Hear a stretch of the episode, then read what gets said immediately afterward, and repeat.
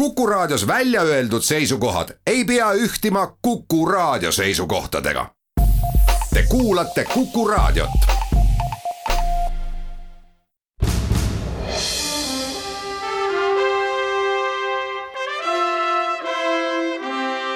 vahetund Postimehega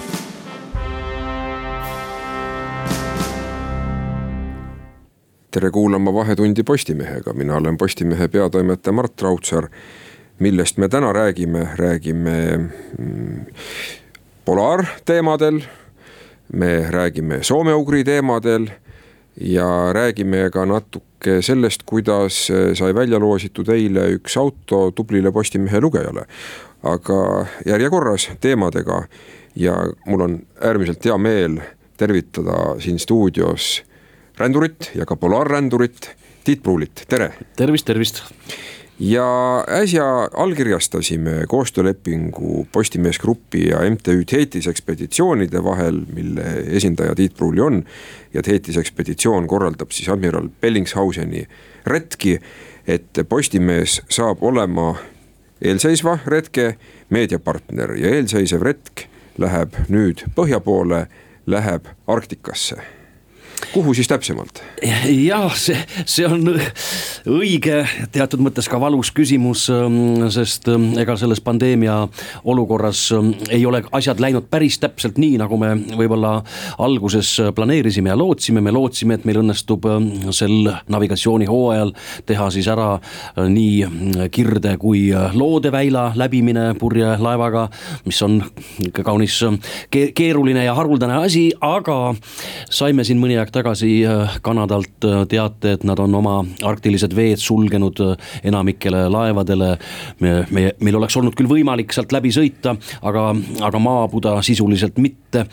ja kuna meie üks eesmärke on ju see, et mitte lihtsalt ise, ise sõita ja targemaks saada ja, ja, ja koge-, kogemusi saada, vaid et kõik see ilu ja tarkus tuua ka tagasi siia lugejate, vaatajate, kuulajateni, siis me mängisimegi ümber oma, oma marsruudi ning äh, läheme siis sel suvel äh, sellistesse ka väga põnevatesse kohtadesse nagu Teravmäed äh,, nagu Gröönimaa, nagu Island äh,, Fääri saared äh,, palju väikesi saari seal vahepeal veel, Karu saar näiteks enne Teravmägesid või, või Jan Maien pärast Teravmägesid.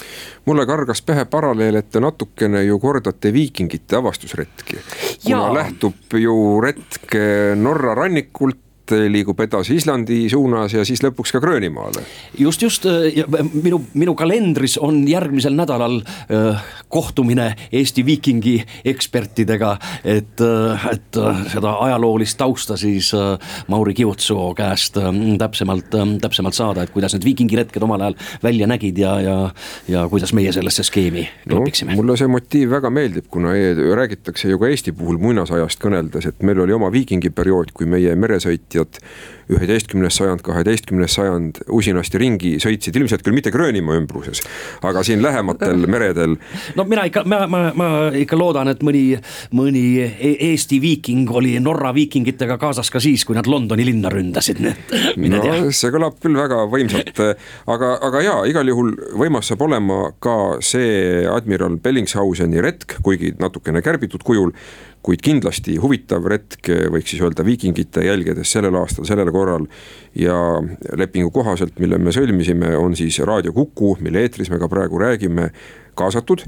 ja Kuku saab igal nädalal ühe korra vähemalt ühenduse purjekaga ja ma tsiteerin lepingut, kust antakse talle värskeid uudiseid pardal toimuvast. kõlab küll hästi no ma, ma loodan jah, et meil neid uudiseid seal ikkagi, ikkagi tekib ja, ja teiseks, et me saame neid edasi anda, sest me oleme äh, nii-öelda äh, mobiiltelefoni levist ju enamalt jaolt äh, väljas, nii et satelliitside kaudu mm -hmm. peame seda korraldama, aga meil on ju kogemus nii Kuku raadio kui ka Postimehega koostööst äh, purjelaeval admiral Bellingshausen ka meie varasemast just, ekspeditsioonist, Antarktika ekspeditsioonist ja, ja mul on hea meel, et, et tol ajal oli meil tänu äh, Kuku ja Postimehe nii-öelda võimendile väga, väga hea ja suurearvuline jälgijaskond. ja ma loodan, et see võiks samamoodi minna ka nüüd selle Arktika ekspeditsiooni puhul kui mõni kuulaja võib küsida, et miks peaks see teema meile korda minema, siis mina ütlen siia seda juurde, et Eesti on mereriik, on olnud tugev mereriik ja kindlasti on ka tulevikus mereriik, siitsamast Kuku raadio stuudiost, Postimehe maja kolmandalt korruselt me võime vaadata, mida, merd. Ja seal nii seisvaid paraku koroonakriisi tõttu kui ka õnneks sõitvaid laevu.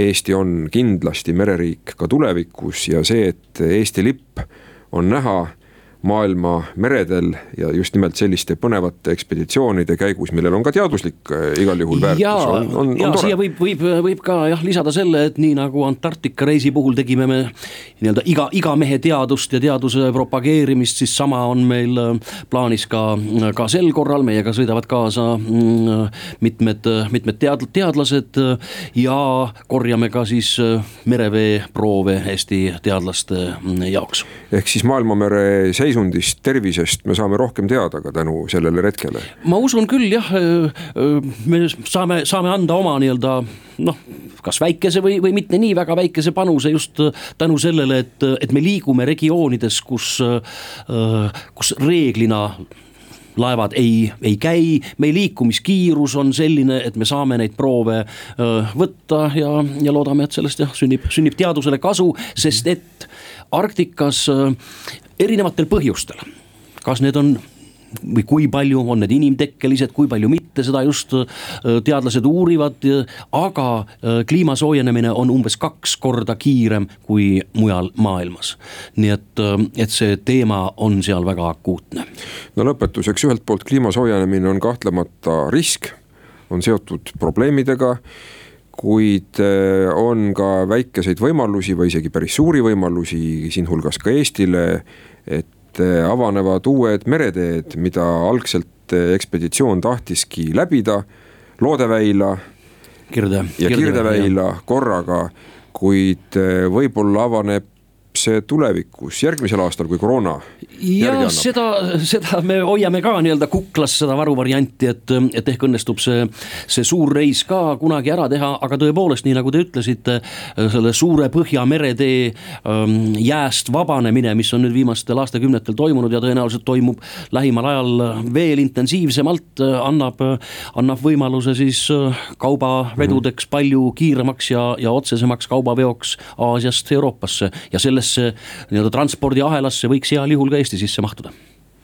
Aga ootame põnevusega siis uudiseid, mida saab äh, lugeda nii Postimehe veergudelt kui veebist, kui kuulata Kuku raadiost ja soovime jõudu ja edu ja nagu ma olen aru saanud, siis äh, mitte kuut jalga vist mitte kiilu alla soovida, vaid näiteks seitse jalga, et seitse natuke rohkem, on natuke kindlam, et soovime seitse jalga kiilu alla.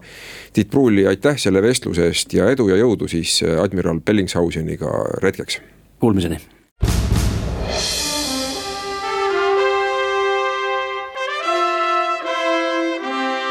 vahetund Postimehega.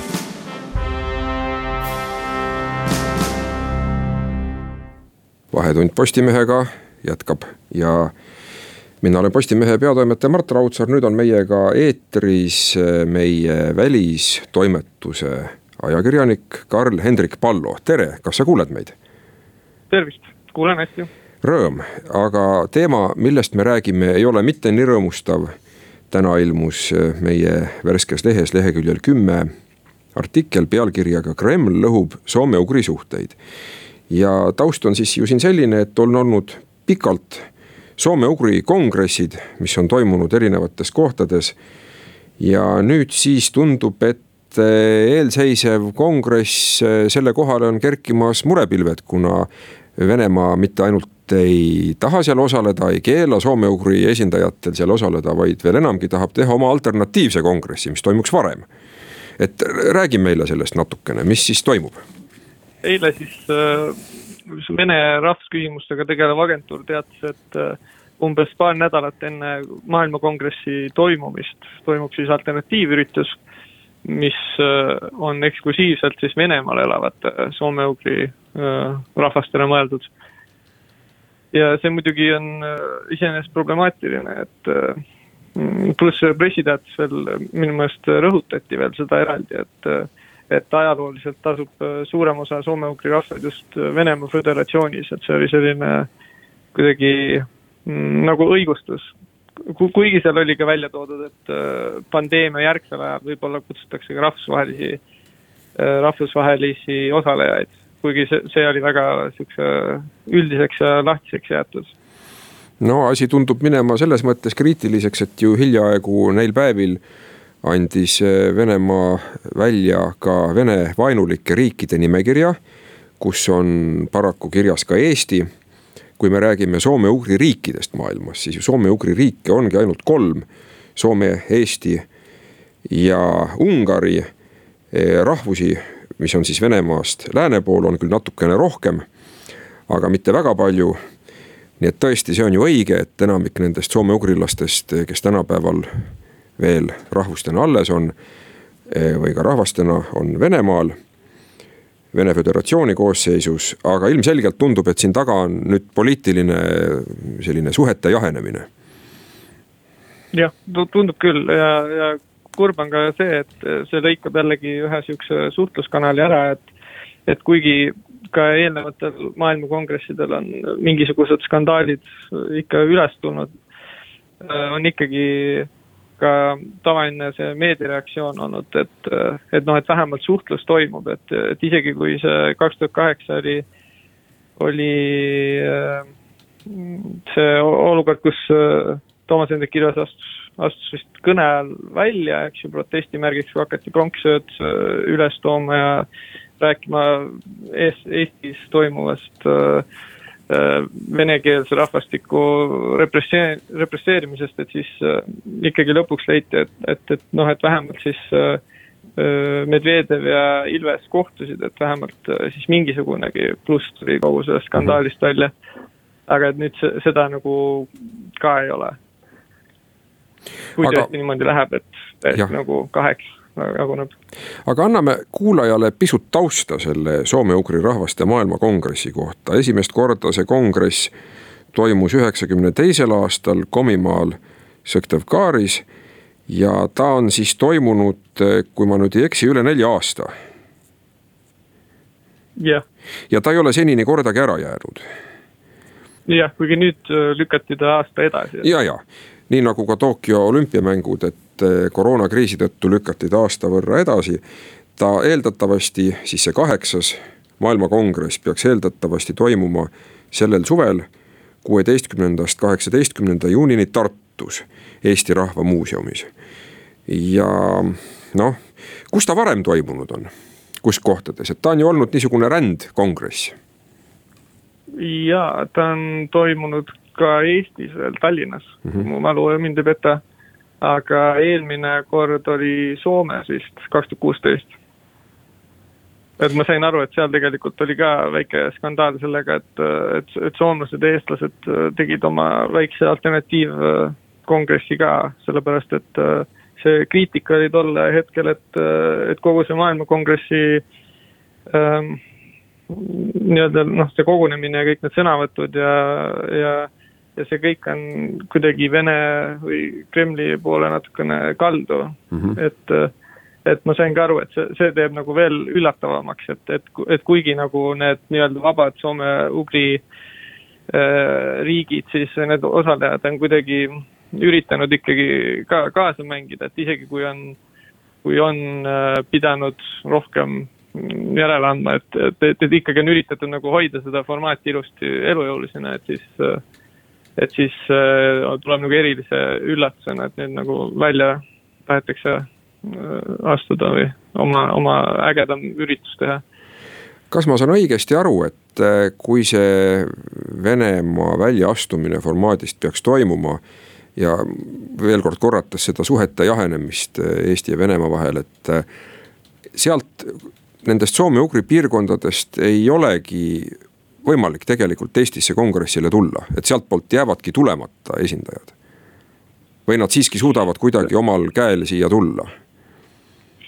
no selles mõttes, et mina olen aru saanud praegu, et äh, see, mis nüüd sel aastal toimub, et see toimub äh, sellises hübriidvormis, kus äh, osalejad saavad tulla ka veebi vahendusel või võtta osa nendest mm. -hmm. aga, aga noh, see formaat on ka varem tegelikult selles mõttes natukene halb sellise tavapärase, tavalise aktivisti jaoks, et, et need, kes Venemaalt näiteks tulevad, et need, need on ikkagi enamjaolt sellised ametnikud, kes on pigem süsteemitruud nii-öelda, et ne, neile makstakse kõik need asjad kinni, et need, kes kes on sellised tavalised aktivistid, kes tahavad oma nii-öelda rahvaste probleeme välja tuua, et ne, neid tegelikult on äh, riigi poolt raskendatud niikuinii tulemine.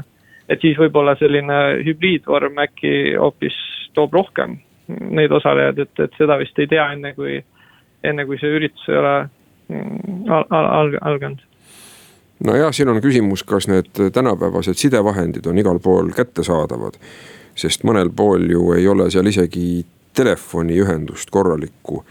aga igal juhul, igal juhul selline hübriidvorm võimaldab, ma arvan, aktiviste, olenemata sellest poliitilisest olukorrast paremini, paremini kaasata, et sellega ma olen nõus ja nendest probleemidest peale väikest reklaamipausi, mis varsti tuleb ja pooltunni uudiseid, me ka räägime, mis on olukord soome-ugri piirkondades, sellest me kõigest saame veel ka natuke rääkida.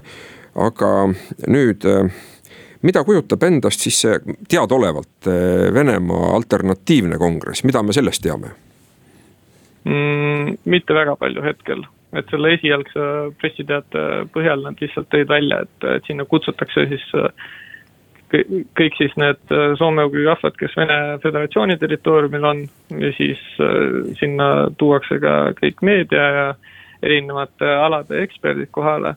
et, et noh, et tundub, et nad vähemalt tahavad seda üritust teha noh, suurelt, et mm, -hmm. et oleks ka, oleks ka mida võib-olla reklaamida hiljem.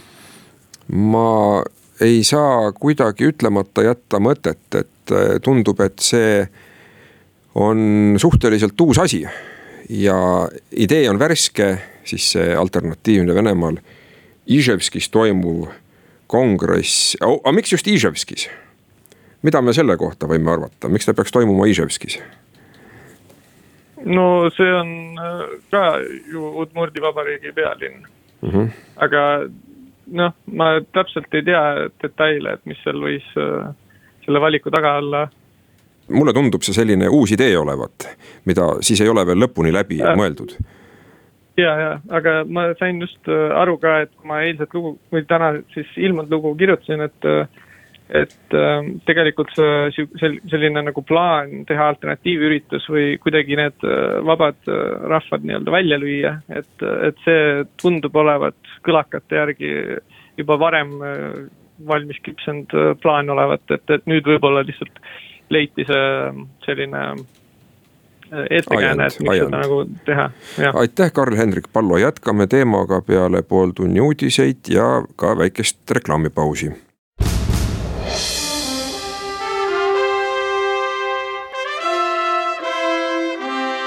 vahetund Postimehega.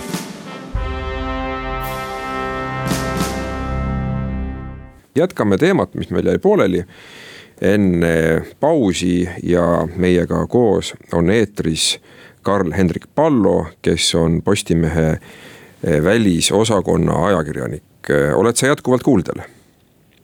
ja, ja mina, Postimehe peatoimetaja Mart Raudsaar arutasime enne pausi sel teemal, et traditsiooniline soome-ugri rahvaste maailmakongress, mis plaanide järgi peaks toimuma suvel, kuueteistkümnendal kuni kaheksateistkümnendal juunil Tartus Eesti Rahva Muuseumis on nüüd löögi all, kuivõrd Venemaa ei taha sinna saata oma osalejaid, tahab formaadist üldse välja astuda.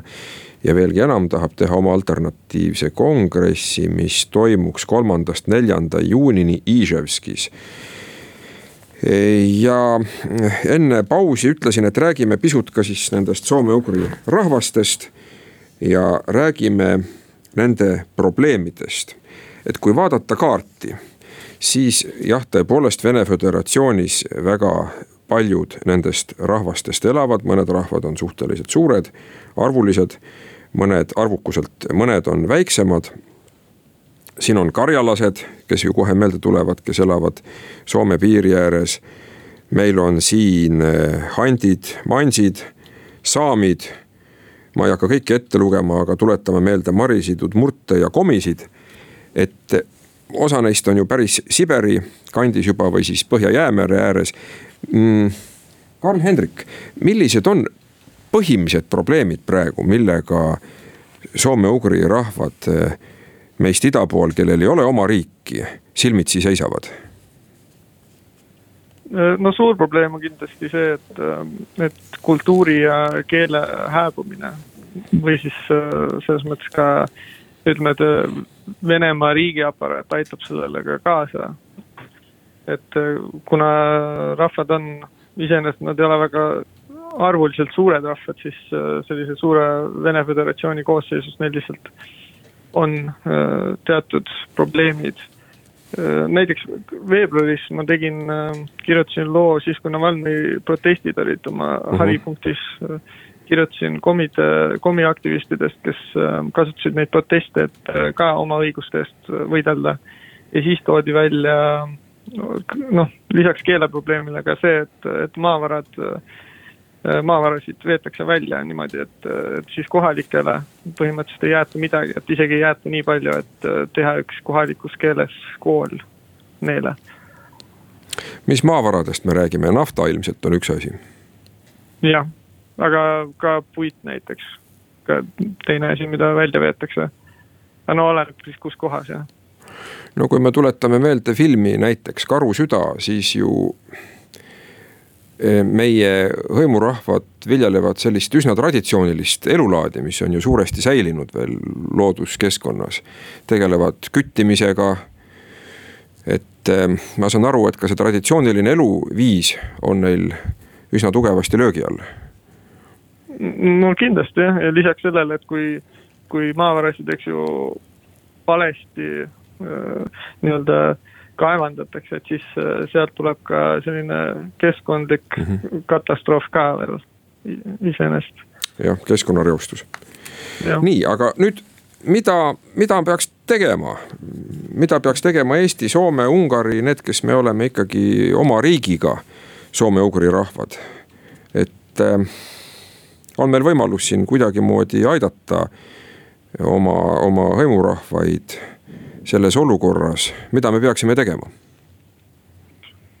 no hea küsimus, selles mõttes, et äh, äh, see komiaktivist äh, Aleksei Ivanov ütles äh,, et, äh, et Eesti saaks aidata äh, näiteks pakkudes haridust, et või pakkudes nendele ähm, ütleme siis kas aktivistidele või niisama headele äh, Äh, tudengitele või õpilastele mingisugust võimalust ka Eestis näiteks õppida. muide, seda on minevikus ka tehtud, kui mina ülikooli läksin aastal üheksakümmend kaks, siis oli just programm, kus üksjagu oli meil sealtpoolt rahvast, ma mäletan, kindlasti oli udmurte, aga nad ei olnud ainult udmurdid. kes aasta aega õppisid eesti keelt ja seejärel juba siis said Tartu Ülikoolis oma valitud erialal mis enamasti oli küll filoloogiaga seotud, edasi õppida. aga ma pean ütlema, et päris paljud neist jäid ka lõpuks Eestisse mm. -hmm. ja see on päris huvitav jah, see Ivanov ise ka tegelikult äh, kas õppis mingi aja Eestis vist. et -hmm. et tundub, et mingisugused süsteemid ikka veel paigas on ja ta oli ka väga suur Eesti fänn ja Soome, Soome fänn mm, -hmm. kus ta ka natuke aega elas. et selline mingisugune side tundub ikka, on olemas jah no üks asi, mis ma ise mõtlen, on see, et kui vähegi võimalik, võiks ju toetada ka koole koha peal kus oleks võimalik, äh, räägime ilmselt, ilmselgelt ju alusharidusest, õpetada äh, emakeeles kohalikke. jah, kuigi ma täpselt ei ole nüüd aru saanud, et, et kui nüüd viimased mingi poolt aastat vaadata, et siis Venemaal on ka sisepoliitiliselt see olukord äh, keeruliseks, keerulisemaks muutunud selles osas, et, et nüüd selle välisagentide seadus on, on nagu laiendatud niimoodi, et igat, igat ühte saab välisagendiks tembeldada kohe, kui mingisugust välisabi või välisraha vastu võetakse, et, et, et see tundub ka üks viis, kuidas Kreml nii-öelda siis üritab välismõjusid kuidagi eemal hoida, aga mm, -hmm. aga samas jah, et, et ma ei tea, et selles kontekstis, et ma ei tea, ma ei tea, kas üldse kas saabki enam üldse aidata. tõepoolest, see teeb ju, see seadusemuudatus teeb tõesti nii selle abi saatmise kui selle abi vastuvõtmise palju keerulisemaks, sellega ma olen täiesti, täiesti nõus. aga nüüd selles loos, mis seda teemat kirjeldab ja ilmus tänases Postimehes leheküljel kümme, on ka üks lisalugu. siin on Ersade peavanem, kes eh, süüdistab Venemaad lausa etnotsiidis. kas asi ongi nii hull? ehk siis äh, nii-öelda põlisrahva väljasuretamises süüdistab ta rahvakeeli öelduna.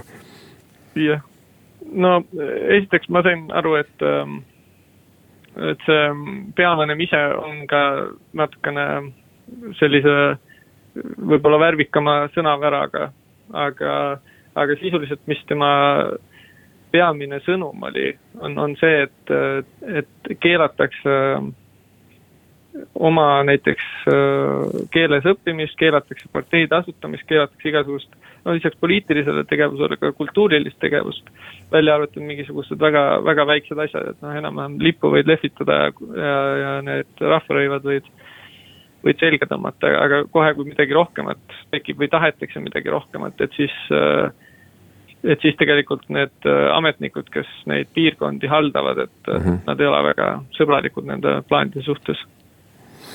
no see on nüüd küll teema, mida Eesti peaks rahvusvaheliselt äh, üleval hoidma koos, ma arvan, koos Soome, Soome ja Ungariga.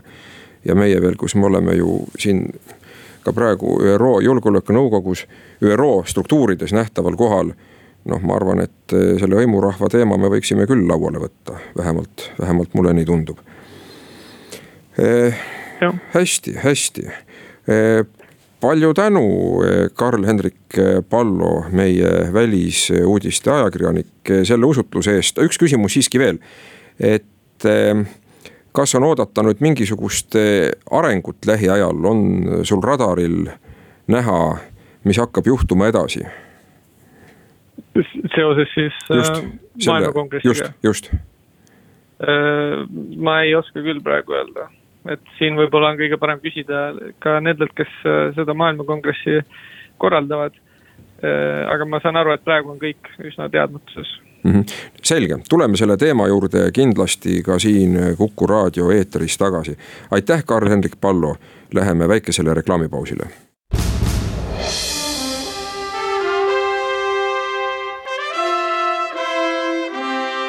vahetund Postimehega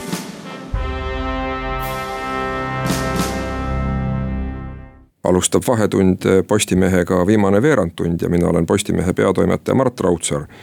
eile toimus loosimine Kanal kahe õhtusaates, nimelt eh, mõnda aega on olnud Postimehe tellija kampaania, kus siis digitellijad, kes vormistavad omale tellimuse, said eh, osaleda selles eh, Subaru siis Foresteri väljaloosimise kampaanias ja, ja tõepoolest eile õhtul Kanal kahes see finaal toimus ja loositi välja ka see õnnelik võitja, kes tervislikel põhjustel ise ei saanud olla kohal ja loosimises osaleda, aga õnneliku käega oli tema hea sõbranna Eve.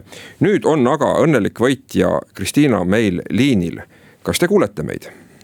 ja kuulen, tere. tore kuulda ja mõtlesin, et vestleme põgusalt siis Eh, Postimehe teemadel, mille lugeja ju te olnud olete ja nagu ma aru sain, te uuendasite oma digitellimust seoses sellega, et teile pakkus huvi orienteerumine mm, tegelikult, äh, tegelikult ma ikkagi tegin selle hiljem natuke, et ma küll vaatasin Postimehes seda orienteerumise MM-i mm -hmm. ja ka teisi spordiülekandeid oleme vaadanud. aga, aga jah, ma nagu hiljem natukene uuendasin seda mm. -hmm. seda digitellimust mm. -hmm. nüüd ma usun, et te olete oma tänusõnad juba sõbrannale öelnud, et ikkagi väga õnneliku käega, et nende tuhandete tellijate seast e, just temal õnnestus see võit välja tõmmata teile jah. ja, ja loomulikult e, minu tänusõnad siin kogu Postimehe poolt samuti, aga nüüd teile, kuna teie olete ju meie tellija ja noh, mitte iga päev ei räägi me oma tellijatega niimoodi otse-eetris juttu, aga ma usun, et äh, põhjus on täiesti piisav, täiesti ammendav praegu. ja tahaks mõne sõna siis küsida teie käest, et eh, mida te Postimehest loete ja mida te tahaksite siit rohkem lugeda?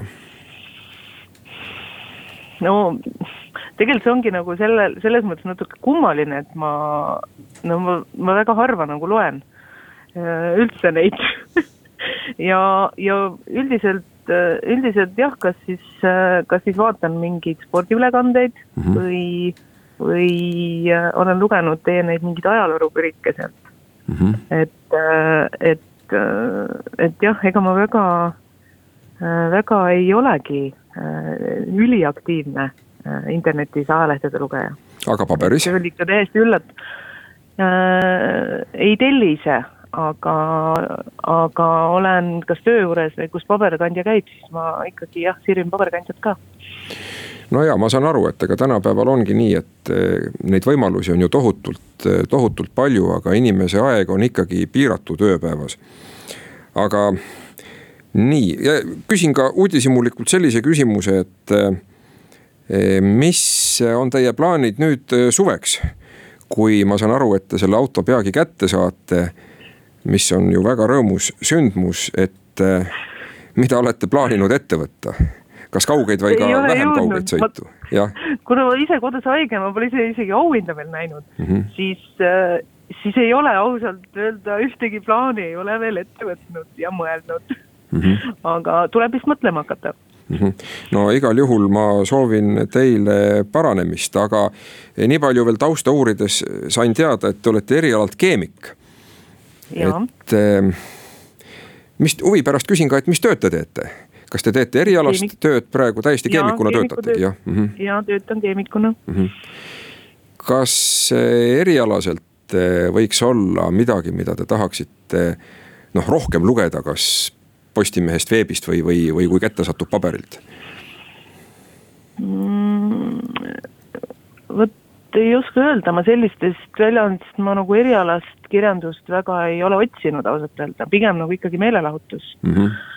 et äh,. no me oleme aga, mõelnud. aga eks ikka silm hakkab, kui mm, -hmm. kui ja lahti klõpsan, et, äh, et et aga üldiselt jah, ma nagu teadlikult nagu ei otsi küll mm. -hmm. me oleme et, mõelnud. Need ei ole ilmselt need, need väljaanded jah, jah, jah, ei no see on ka tõsi, et me ei ole süvateaduslik mm -hmm. ega erialateaduslik, biokeemiast me näiteks süvitsi ei, ei kirjuta.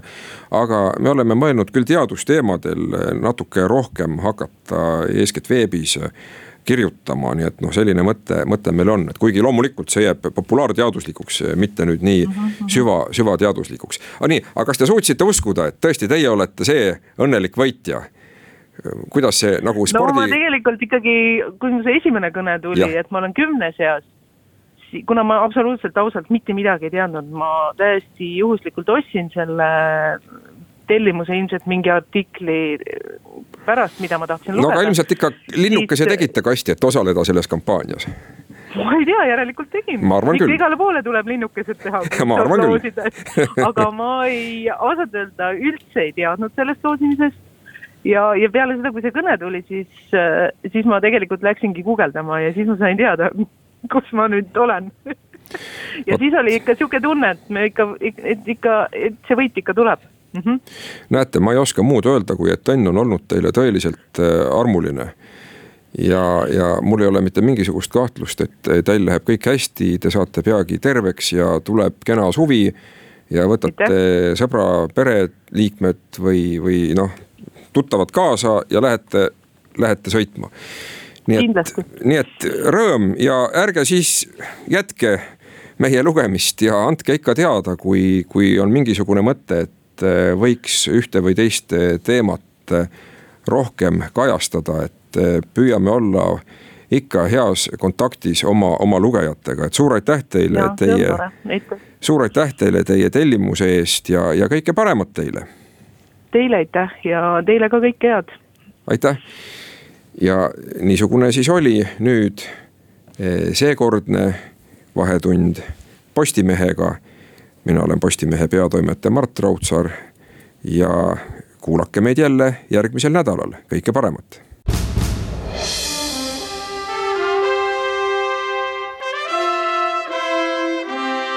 Vahetund Postimehega